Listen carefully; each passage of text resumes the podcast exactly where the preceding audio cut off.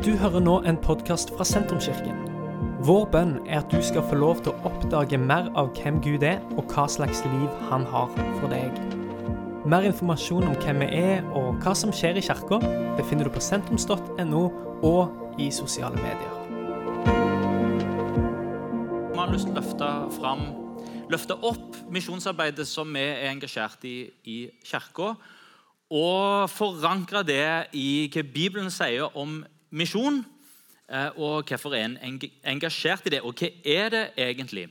Eh, Og Tittelen for denne talen her er 'Fra Sandnes til verdens ende'. Man har nettopp feira påske. Eh, Påsken, og det er slide nummer to, den kan vi, kan vi godt få på nå. Men nettopp feira påske den handler om Jesus sin død og oppstandelse. Apostlenes gjerninger det er fortsettelsen av eh, oppstandelsen og av det som skjer eh, rundt påske. Eh, og eh, det som kanskje er historiens største spørsmål, og det, det mener jeg helt seriøst Historiens største spørsmål. Hvordan kan troen på Jesu oppstandelse ha spredd seg fra en liten gruppe med redde mennesker til å gjennomsyre hele Romerriket og til slutt endre hele det religiøse landskapet. Først i Romerriket, så i Europa, og så inn i vår tid. Faktisk hele verden har blitt prega av eh, av dette budskapet. I løpet av 300 år etter at Jesus dør og står opp igjen, så, eh, så, så, så, så smuldrer hele Romerriket opp pga. dette. Går fra å være en liten jødisk sekt som har noen få hundre tilhengere, til å bli statsreligion for Romerriket. Hvordan i alle dager kunne dette skje? Blitt den ledende troen og uh, ideologien. Uh, nå anbefaler jeg ingen til å eh, nødvendigvis se på Louis C.K., eh, standup-komikeren uh, som har fått uh, lurt seg opp i masse trøbbel. Men han snakker om hva slags religion er det som vinner. Og, og så sier han etterpå hva årstall er det og så sier han etter det igjen ok, Da vet du hva religion det var som vant. Hele vår tidsalder og tidsregning har sitt utgangspunkt i at Jesus kom til jorda. Hele verden forholder seg til den kalenderen. Hvordan kunne dette skje? Sangeren i U2, Bono, han ble intervjua om sin tro for eh, mange år siden. Det ble skrevet bok på det intervjuet. Eh, Der forsvarer han sin tro på Jesus eh, med C.S. Lewis sitt argument. At for å kalle seg Guds sønn, som Jesus da gjorde, så må han enten ha vært ond, eller han må ha vært gal, en gal forfører. Eller Ellers så var han akkurat det som han sa han var, nemlig Messias, Guds sønn. Eh, Og så eh, legger C.S. Lewis til det eneste som han ikke kan ha vært, det var bare en god mann, en god eh, filosof, en, en god morallærer. Eh, For et, et, et menneske som sier om seg sjøl at han er Guds sønn, at han er Gud lik, eh, og som vet at dette ikke er sant, er en løgner og en forfører, eller så har en onde hensikter. Eh, eller så er en da faktisk det som han sier han er. Og Så fortsetter Bono å si at ideen at hele retten, at retningen til, til denne sivilisasjonen, som nå preger mer enn halve verden At hele den retningen der har blitt satt og snudd opp ned av en galning. En ond galning. Det er bare for utrolig. Derfor lander Bono på, C.S. Lewis lander på, Bono lander på. Og Da er han den som han sier han er. Og Nøkkelen til å tro det er det som skjedde første påskedag. Oppstandelsen. At den er reell. At Jesus, der er en tomme grav. Eh, kristen tro preger hele verden. Der er ingen eh, der er ingen grav, der er grav en kan gå til, men der står det eh, Han er ikke her. Grava er tomme. Tanken at alt dette skal være en diger konspirasjon, og at nå hele, halve verden bygger på en sivilisasjon som er bygd på den konspirasjonen, det er ganske utrolig. Det er for utrolig. Evangeliet det spredde seg ikke eh, av seg sjøl. Nøkkelen til å forstå hvordan eh, kristen tro gikk fra å være i et lite hjørne i Israel til å prege hele verden, det ligger i apostelens gjerninger. Og vi skal, eh, vi skal lese fra apostelgjerningene 1 og vers 8. Og der står dette.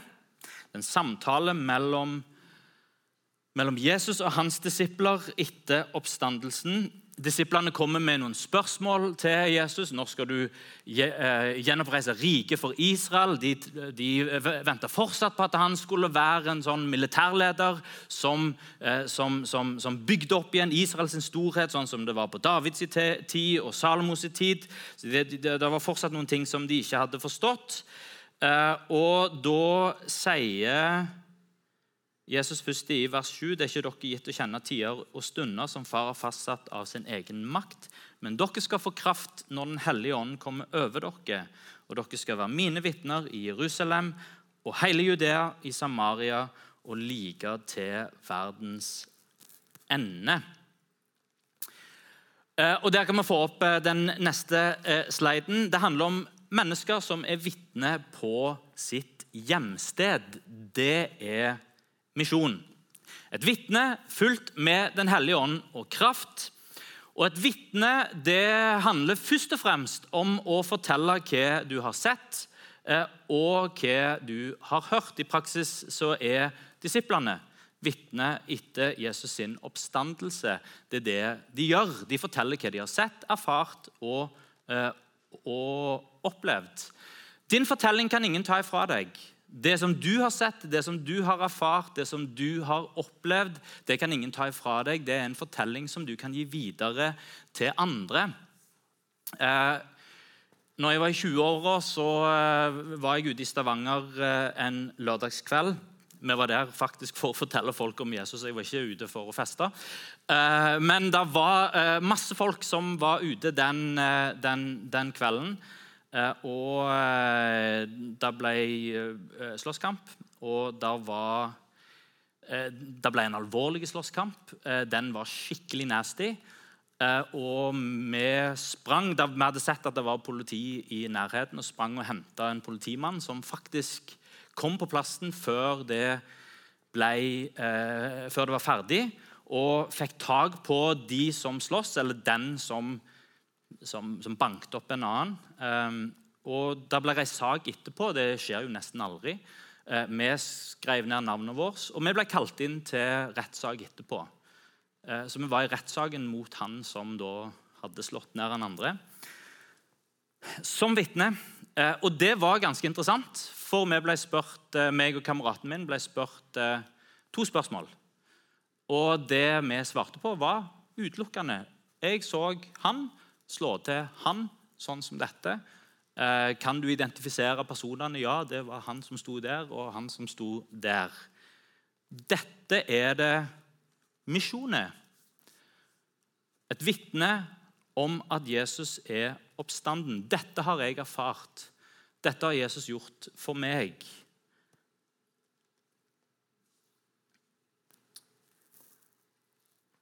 Norge sekulariseres. Og de fleste spor av kristen tro er allerede blitt fjerna fra fellesarenaene. Og det fjernes mer og mer. Og Mange kristne har akseptert det som noe som kanskje sånn det skal være. At tro er privat. At tro hører hjemme innenfor husets fire vegger. Eh, og kanskje kirka sine fire vegger, men ikke utenfor. Eh, og så har han akseptert det enten bevisst eller eller ubevisst. Eh, Norsk kristelig skole- og ungdoms... Nei, hva det heter for noe? Laget kaller den NKSS. som jobber på skoler og universiteter i Norge, gjorde en undersøkelse for noen år siden med studenter på høyskole- og universitetsnivå. Kristne studenter som svarte på hvordan de, eh, de synliggjorde troen sin for andre, og fant ut at ni av ti kristne studenter enten passivt eller aktivt skjulte troen sin i møte med, eh, med medstudenter som ikke delte deres tro. Eh, og Når de da blir spurt hvorfor skjuler dere troa, enten aktivt eller passivt, så er svaret så sprikende at det skiller seg ikke ut en ting som er en skjuler troa si pga. dette. Det er fire-fem ulike grunner som alle får pluss-minus eh, like, eh, like, mye fokus. Jeg vil våge meg på en påstand at ytringsrommet i Norge har blitt smalere. At eh, det som vi mener, har på mange måter blitt synlig gjennom sosiale medier. Eller vi er vant til at det vi mener, blir synlig. Og at når en mener noe som er feil, så blir en uglesett, så blir en satt på sida, så liker ikke folk deg. Og en er òg vant til at meningene mine og meg er på en måte to sider av samme sak. Så når folk ikke liker meningene mine, så liker de ikke meg. Og hvis de ikke vil ha noe med det jeg tror på å gjøre, så vil de ikke ha noe med meg å gjøre. Så Derfor så holder en sin tro og sine meninger, kanskje også politiske meninger, for seg sjøl. For en ønsker ikke å bli skyvd vekk, og en ønsker ikke å bli uglesett og i verste fall kansellert. Det kan faktisk òg få profesjonelle følger. Det eh, viser seg òg at hvis du synliggjør på CV-en din eh, at en har et aktivt kristent eller muslimsk engasjement, så er det mindre sjanse for å få for å få jobb. En blir aktivt hva det heter for noe, aktivt eh, eh, diskriminert, faktisk, hvis det viser igjen på CV-en. og Derfor så skjuler òg en del eh, den identiteten fra CV-en sin. En ønsker ikke å bli mislikt. Jeg syns det er trist, fordi å være et vitne på hjemstedet det er misjon, og det begynner der. Og det begynner med å synliggjøre hva en tror på. Enten en skjuler det aktivt eller passivt. En tenker at tro og Gud er noe som forstyrrer andre, og dermed så vil en ikke ta det opp. Eh, og det er norsk høflighet å ikke forstyrre andre. Vi kan ikke være et usynlig vitne. Hva med å synliggjøre troen forsiktig, iallfall? Hive på seg et kors fortelle, noe som skjer fra, uh, fortelle om noe som skjer i kirka, i en samtale. Dele på sosiale medier en invitasjon til gudstjeneste rundt jul eller påske. Uh, eller invitere noen med på gudstjeneste. Uh, kanskje ha Bibelen framme i hjemmet, kanskje ha kunst hjemme som synliggjør troen. Um, Disiplene de flykta, de gjemte seg gjemte vekk troen sin, var flau for å kjenne Jesus, nekta for faktisk at de kjente han. Men noe endra seg som gjorde at de som var redde, ble modige. De som var nervøse og flaue og forsiktige, ble stolte og frampå og delte dette med resten på pinsedag, og det er akkurat det som vi leser om i apostelgjerningene 1,8. På pinsedag så ble de fulgt med Den hellige ånd, fikk kraft, ble frimodige og vågte å ta et steg ut og være synlige med troa si. Og Derifra så begynte det å spre seg fra en liten, en liten gruppe mennesker og her og der rundt til det gjennomsyrte hele Romerriket. Som 19-åring så var jeg fire måneder i, eh, i, India og opplevde mitt eh, livs eventyr, iallfall så langt eh, da, som 19-åring. Eh, vi dro ut i jungelen i Sør-India. Der eh, drog vi til eh, stammer som jeg har funnet ut senere. De, de kalles for Indias sigøynere. og det gir mening i ettertid, for det, de kledde seg akkurat sånn kanonspennende. Delte evangeliet i disse landsbyene for mennesker som aldri hadde hørt navnet Jesus før. Eh, det var én ting. Det andre var at vi kjørte gjennom humpete veier i jungelen. Eh, vi besøkte et, eh, et gammelt steinslott inni jungelen. Forfallent. Det må være flere hundre år gammelt. Ligna på noe fra Indiana Jones. Vi gikk i ruinene der. Og mens vi gikk i ruinene, så hørte vi Og dette er ikke tull. Vi hørte et tigerbrøl. Uh, og de indiske guidene vi hadde med, de var livredde, eh, livredde. Og vi 19 år gamle fra Norge vi var kjempe... Å, tiger! Hvor er han hen? Uh, du har ikke lyst til å treffe tiger i jungelen i India. Uh, men det tenkte ikke vi på. Men jeg hadde kvaler når jeg var i India og var rundt i disse her eh, landsbyene og delte evangeliet med folk som aldri hadde hørt det før. Fordi jeg tenkte hvorfor gjør jeg det her? Hvorfor er jeg her hvor, uh, i en jungel med mennesker jeg aldri har truffet før og aldri kommer til å treffe igjen etterpå? Hva gjør jeg hjemme, egentlig? Hva sier jeg til de som jeg har gått i klasse med? Hva sier jeg til naboene mine? Og jeg bestemte meg hvis jeg skal gjøre dette med eh, rak rygg, hvis jeg skal gjøre dette og kunne stå for det som jeg gjør, så må jeg være den samme når jeg kommer hjem. Så når jeg var på misjonstur i India, så bestemte jeg meg for at jeg vil være et vitne hjemme. Mennesket som er vitne på sitt hjemsted, det er misjon. Vi kan ta neste slide. Og Det handler jo selvsagt om Jerusalem. En er vitne i Jerusalem, hjembyen, hjemstedet. Um, når jeg kom hjem etter å ha vært fire måneder i India, så var jeg 100% gira på misjon. Jeg hadde lyst til å dra tilbake igjen. tenkte jeg, siste jeg har lyst til, det er å bosette meg i Sandnes. Det skal jeg iallfall ikke gjøre. Jeg skal tilbake igjen til, som misjonær et eller annet sted om det er India eller hvor det skulle være. Eh, men eh, det skjer ikke akkurat nå, så hva gjør jeg nå? Jeg ble ungdomsleder i menigheten som jeg eh, er oppvokst i, og begynte å dra rundt på skolene og gi evangeliet til ungdommer. Og Flere ungdommer var nysgjerrige, flere kom til tro. Eh, og Iveren fra misjonsturen den smitta over på hjemstedet. Og Vår gruppe med ungdommer som var 25-30 stykker, vokste til å bli nesten 200 i løpet av en periode på 4-5 år. Og der var mange som kom til tro, fikk et nytt liv gjennom tro på Jesus og fikk et nytt miljø. Eh, masse spennende som, som, som skjedde der. Eh, og For ikke så lenge siden så traff jeg en av mine favorittskribenter i norske aviser. Han Eh, skriver forholdsvis eh, fast. Jeg eh, mener han er en av de skarpeste, de skarpeste pennene, frilanserpennene om dagen. Og han tar ofte det, det, det andre ståstedet og er politisk ukorrekt nesten uansett hva han skriver om. Eh, og så klarer han å skrive politisk ukorrekt samtidig som han gjør det med humor og gjenkjennelse, og på en måte som gjør at eh, Eh, Ca. halvparten elsker det han skriver, og ca. halvparten hater det. Det går bare ikke an å være nøytral. Kjempeflinke. Eh, så Jeg eh, så han for ikke lenge siden. Han er tilfeldigvis eh, gammel fotballspiller òg. Så jeg måtte bort til han og si du, er, du har bare den skarpeste pennen som fins. Jeg elsker det du skriver. Fortsett å skrive, fortsett å skrive. Og han takket for det. Og så fikk jeg en fortelling i retur. Og Han sa ja, men jeg, eh, jeg, eh, du, du, vet at jeg eh, sprang på ungdomsmøtene der du var ungdomsleder når jeg var liten 12-13-14-åring.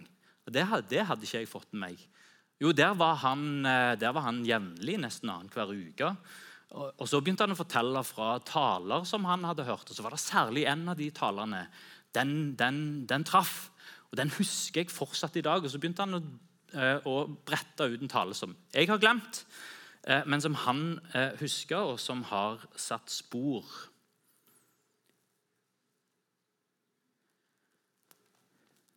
Misjon det er en menighet i hjembyen. Denne kirka her er misjon. Jesus til en ny generasjon. Vi vil gi Jesus til barn og ungdommer. Vi vil gi Jesus til voksne som ennå ikke tror, som kan finne fram til tro på Jesus og et liv i etterfølgelse av Han, som kan finne tilgivelse fra synd, fred med Gud, som kan finne et sted å tilhøre, uh, i et fellesskap sammen med andre som tror. En kan få tak på gode verdier og en kan få gode rammer for livet gjennom hans ord og gjennom å følge etter han. Det er misjon. Kraft til å være vitne i hjembyen, i Sandnes, gjennom menighetsfellesskapet. Kraft til å være vitne i Judea. Det handler om menighetsplanting i regionen og i landet. Det er krevende å plante menighet og plante nye fellesskap i Norge. Det går langsomt, det er ikke alltid det lykkes heller. Men det er flere som finner sin plass, som aktiviserer en, kanskje en passiv tro, og flere som finner fram til tro på Jesus i disse nye forsamlingene. Så er engasjert i menighetsplanting regionalt. Og så er en kraft til å være vitne i Samaria. Og Hva er Samaria? Samaria for jødene det var samaritanerne som var nær i kultur, men allikevel Det var kulturelle, det var religiøse og det var historiske ting som gjorde at det var nær null kontakt mellom jøder og samaritanere. Jesus var tydelig på at eh, vær vitne, i Jerusalem, i regionen rundt, og gå til Samaria, til de som tilhører den andre kulturen rett i nærheten. Jeg drømmer om at denne kirka skal få være ei multietniske kirke. Han er multietnisk kirke på norsk, satt i norsk kultur, med norsk språk, men åpen og tilrettelagt for alle. Det nye testamentet er dedikert til dette at en fra ulike kulturer fra ulike bakgrunner kan komme sammen, kan finne fellesskap, kan finne vennskap. Kirka skal være en sånn plass for usannsynlige vennskap. Mennesker som i utgangspunktet kanskje ikke hadde blitt kjent, men som blir det der hvor en har en felles plattform, og hvor en har en felles tro, og hvor en har en felles herre. I kirka i dag er det folk fra kanskje 15-16 forskjellige land Tenk hvis enda større andel av denne kirka kan komme fra, ha bakgrunn fra andre deler av verden. Tenk hvis 40, denne kirka her representerer 40 eller 50 nasjoner. Dette er vårt Samaria. Tilby evangeliet og tro på Jesus, men òg tilby ei bro inn i norsk kultur, inn i norsk språk, inn i norsk nettverk og Vi som nordmenn er jo ikke akkurat kjent for å være de mest åpne, de mest eh, hva skal si, eh, utadgående, de letteste å bli kjent med. Der, der, er jo flere som har kommet til Norge som sier jeg har bodd her i 20 år, men fortsatt så kjenner jeg eh, så godt som ingen nordmenn. Nå er jo det dessverre sånn at norske kirker er også fulgt opp av nordmenn. som, det ikke, Vi kan ikke være noe annet enn det vi er, men vi kan være litt bedre. Litt mer gjestfri, litt mer åpen. Eh, og være imøtekommende, praktisere sjenerøsitet, praktisere gjestfrihet. Åpne opp hjemmet vårt, åpne opp kalenderen vår og invitere noen inn. Et godt fellesskap å komme til og bli en del av. Misjon er gjestfrihet, vennlighet og inkludering i møte med andre kulturer. Det gjelder i kirka, men det gjelder også på arbeidsplass og det gjelder i nabolag. Det er vårt Samaria. Neste slide misjon er å, fortsette menigheten sitt arbeid ut av landet og til verdens ende. Eh, jeg har ikke lyst til å forlate den historien med India og det å være den samme ute og hjemme. Når jeg begynte som ungdomsleder på slutten av 90-tallet, eller midten av 90-tallet, og det begynte å skje ting på hjemmebane. Det var unge folk som kom til tro, og der eh, begynte å eh, Miljøet vokste, og det, det var mye gøy som skjedde. Så var tanken ja, men når vi har noe her, så la oss eksportere det ut. Det begynte med å arrangere misjonsturer til Hviterussland, så til Makedonia, så til Estland. Eh, det er faktisk sånn jeg ble gift. Eh, det er arrangere teamturer, og så må en jo arrangere dette sammen med noen. så eh, Da må en ha samarbeidsmenigheter der. Da er det plutselig noen ledere der som eh, en plutselig må kommunisere veldig mye med. Og, sånn ble Vestna og meg kjent gjennom misjonsturer ned til Makedonia. Fortsatte med teamturer til Estland. Og Vi har fortsatt med dette etter vi starta Sentrumskirka òg. Hatt misjonstur til Polen. Vi har dratt til Serbia, til Albania, til Makedonia. Og det som jeg liker, er at Vi gjør ikke noe annet når vi kommer til et annet land. Det er ikke sånn ja, nå er vi hjemme, og så drar han til et annet land, så skrur han på, nå driver vi med misjon, og så gjør vi noe helt annet enn det vi gjør hjemme. Men vi gjør det der som vi gjør her. Det er en fortsettelse og en forlengelse av det arbeidet som vi er en del av. Opptatt av de samme tingene. Og samarbeider med menigheter som er opptatt av de samme tingene. For eh, ca. litt mindre enn et år siden så fikk jeg en, en messengermelding fra et menneske som jeg ikke visste hvem var. Som, eh, som skrev jeg har prøvd å finne ut av hvem var det som var i hjembyen min. Var fra en liten by i Polen. Eh, og, og jeg tror det må ha vært deg og menigheten deres, men jeg er ikke sikker. Stemmer det at du var i Hoinitze, som da byen hennes heter, i sommeren 2004 eller 2005. Nå husker jeg ikke hva slags årstall det var. Jeg tror det var 2004. Og jeg sa ja, ja, ja, det, det stemmer. Og så fortalte hun sin historie. Eh, jeg gikk på gata i byen. Der var det en gjeng med, med norske ungdommer. De inviterte meg til å komme på et arrangement, en konsert. Jeg kom på konserten, hadde ikke peiling på hva jeg kom til. Eh, men jeg syntes dette her var kjempespennende. Jeg hørte evangeliet, jeg forsto evangeliet. Jeg tok imot. Så ble jeg invitert til kirka der, som, der som, eh, som, arrangerte dette. Og Der hadde dere møte igjen. Og Der var det ei jente som ba for meg. Når hun ba for meg, så var det akkurat som hele Hele innsida åpna seg, og det ble bare fulgt av en ubeskrivelig fred og ubeskrivelig glede og grein og, eh, og, og, og opplevde både, både, kraft på innsida og kjærlighet på innsida. Så døpte jeg meg etterpå, ble med i menigheten der. Og så ville tilfeldighetene ha det til at hun gifta seg med en nordmann, flytta til Norge eller flytta til Norge først, gifta seg med en nordmann eh, etterpå. ikke vet jeg, Bor i en by på Vestlandet, blitt med i en menighet der og fortalte historien sin på den lokale radiokanalen som hun linka til, og som jeg måtte klikke inn og høre historien fra vår misjonstur til byen hennes, og hva det hadde betydd for hennes liv. Kjempeoppmuntrende. Og det som er interessant er at Hennes historie er ikke unik. De siste åra har det kommet mange sånne eller mange, Det høres ut som det er hundrevis. Det er det ikke. Men eh, du kan telle dem på iallfall to hender. Sånne type fortellinger som kommer fra mennesker som jeg ikke vet hvem er, eh, eller som jeg bare kjenner så vidt, som forteller at en misjonstur har betydd noe for deres liv.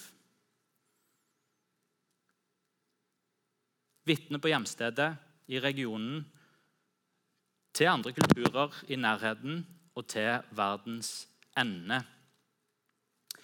Og Det er kanskje det som er hovedpoenget mitt. At misjon det er å gjøre alle disse tingene her samtidig.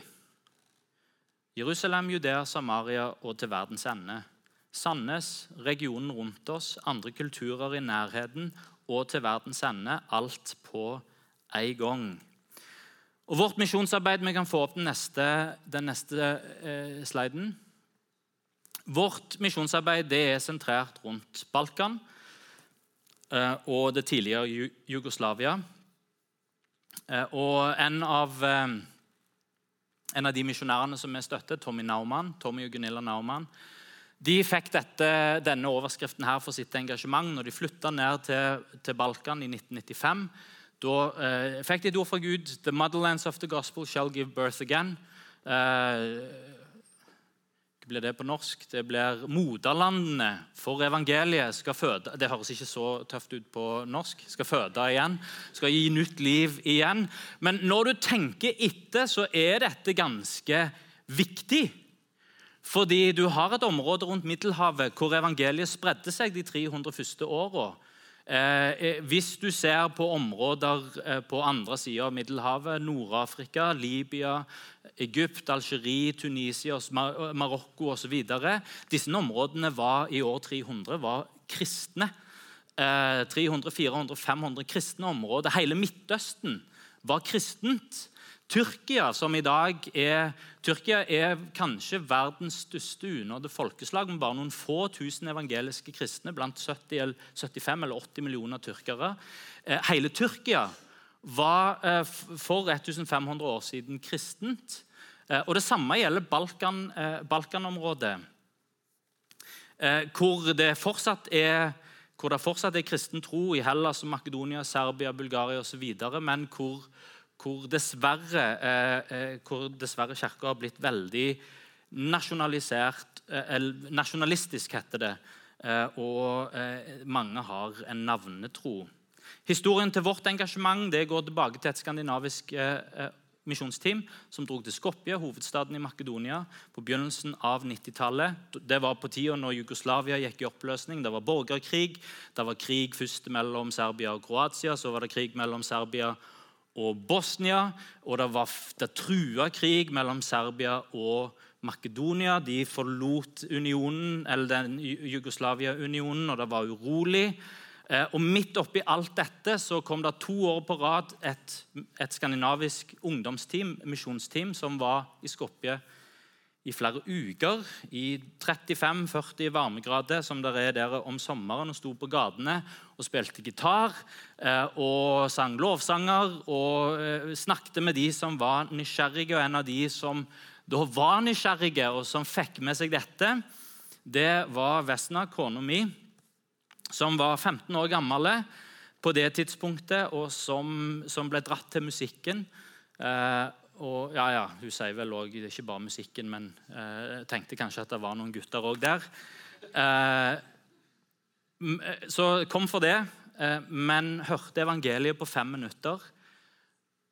Og det traff hjertet. Og tok imot troen på Jesus. Og hun sier på samme måten som Paulina fra Polen. Hun ble bedt for. Og det var som noe på innsida bare sa poff med fred, med kjærlighet, med en, en, en, en, kraft og energi som gjorde at hun var ikke den samme etterpå. Fikk med seg et Johannes-evangelie hjem eh, på makedonsk og satt og leste i det hele natta og fikk ikke sove fordi det som hun hadde opplevd, var så spennende og så virkelig og så reelt.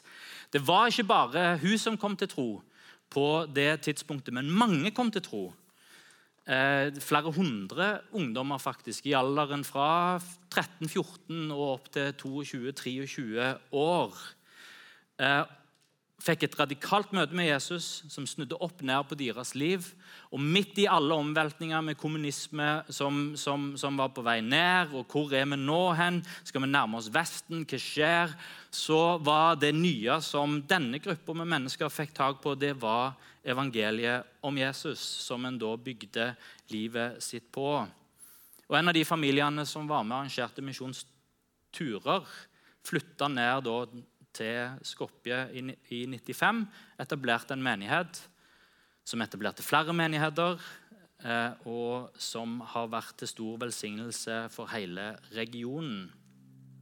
De menighetene som vi jobber sammen med på Balkan, er etterkommere av den menigheten som ble starta da.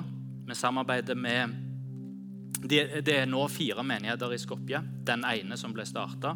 Vi samarbeider med alle de. Så har de starta mindre fellesskap rundt i hele eh, Makedonia. Mindre fellesskap og menigheter. De svenske misjonærene Tommy og Gunilla de dro videre til Hellas, etablerte menighet i Tessaloniki. Først en gresk menighet, og Så har de begynt arbeid for muslimske flyktninger.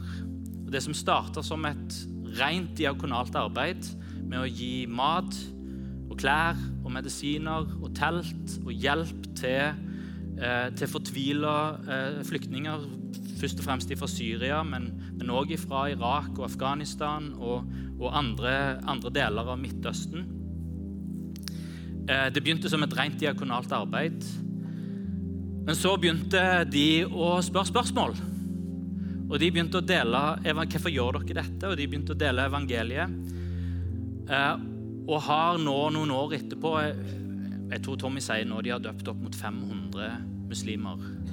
Han sier vi har ikke delt ut én traktat. Vi har ikke invitert til frelse én gang. De kommer til oss og spør, og vi forteller, og de tar imot. Og Disse er organisert i små fellesskap på mellom 10 og 30 personer som møtes ukentlig. Veldig mange av de som har kommet til tro, de har eh, dratt videre fra Hellas til Tyskland, til Sverige, til Nederland, til Belgia eh, og Østerrike, tror jeg òg. Eh, der er nå 20 sånne grupper bare i Tyskland. Tommy og Gunilla de har flytta sjøl fra Tessaloniki til, til München for å følge opp de gruppene som nå primært eh, fins i Vest-Europa. Så Vi støtter Tommy og Gunilla, som driver dette arbeidet blant muslimske flyktninger. Vi er med å støtte en menighet oppe nord i Serbia. Vi har vært med og gitt støtte til en menighetsplanting i Tirana, og er med å gi støtte til en ungdomsleder i Tirana. Og så har vi Little Friends, som er vårt diakonale arbeid inn i uh, sigøynerbydelen Sjutka i Skopje i Makedonia. Et fantastisk arbeid som gir hjelp til de fattigste av de fattige.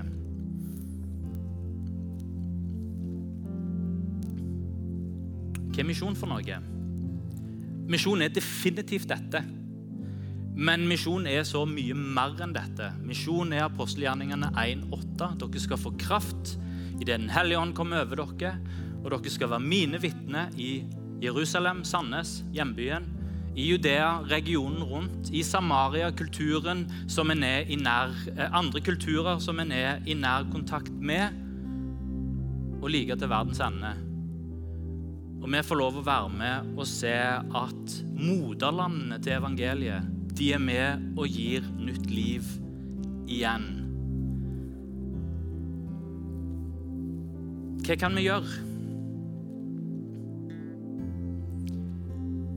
Når våre partnere nede på Balkan er ærlige om hva de trenger, så er økonomi høyt oppe. Det er et fattig område av Europa. Menighetene er, De fleste av de er førstegenerasjons troende. altså Det er mennesker som har kommet til tro, hvor familien ikke er troende. Mange av de kommer, som har kommet til tro, de kommer fra utfordrende bakgrunner. Flere av våre venner i Makedonia de kommer fra rusbakgrunn krevende familieforhold og skal bygge opp livet sitt fra scratch. Og økonomi er alltid en utfordring. Menighetene er små òg. Så økonomi er jo selvsagt en ting. Derfor så går det an å bli misjonspartner. Og det kan du bli ganske enkelt eh, hvis vi får på neste eh, slide.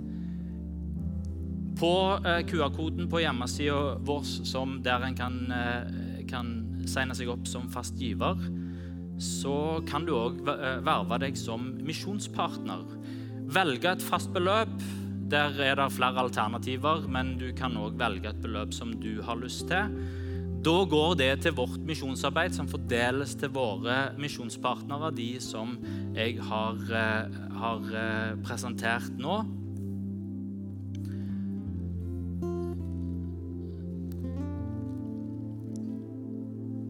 Du kan bli en misjonspartner. En kan bli fadder for Little Friends. Det gjør en på den samme sida. Men så kan du òg legge ferien til Tyrkia eller til Hellas eller til Albania eller Makedonia. Bare det istedenfor å ligge på stranda i Spania, så kan en ligge på stranda i Hellas. Og så kan en vite at det her, her har vi et misjonsarbeid eller så kan en bli med på en misjonstur. De arrangerer vi med jevne mellomrom. Og en kan til og med dra på korttidsmisjon. Tre måneder, fire måneder, et halvt år, kanskje til og med et år. Og være med å jobbe sammen med våre partnere. Og når de sier hva de trenger, så er det en ting som de òg alltid sier. Økonomi er én ting, men be for oss. Og det er en fantastisk måte en kan være i kontakt med hverandre Vi kan be for våre partnere, gi økonomisk støtte og be for dem og besøke dem. Misjon er å være vitne i hjembyen, i regionen og til verdens ende. Og det gjør vi samtidig. Og ved å være en del av et fellesskap som gjør dette, så gjør vi det samtidig. Kan vi ta oss og reise oss og Dette er slutten på denne podkastepisoden. Har du spørsmål om Jesus, om tro, om livet, så er du hjertelig velkommen til å ta kontakt med oss via sentrums.no.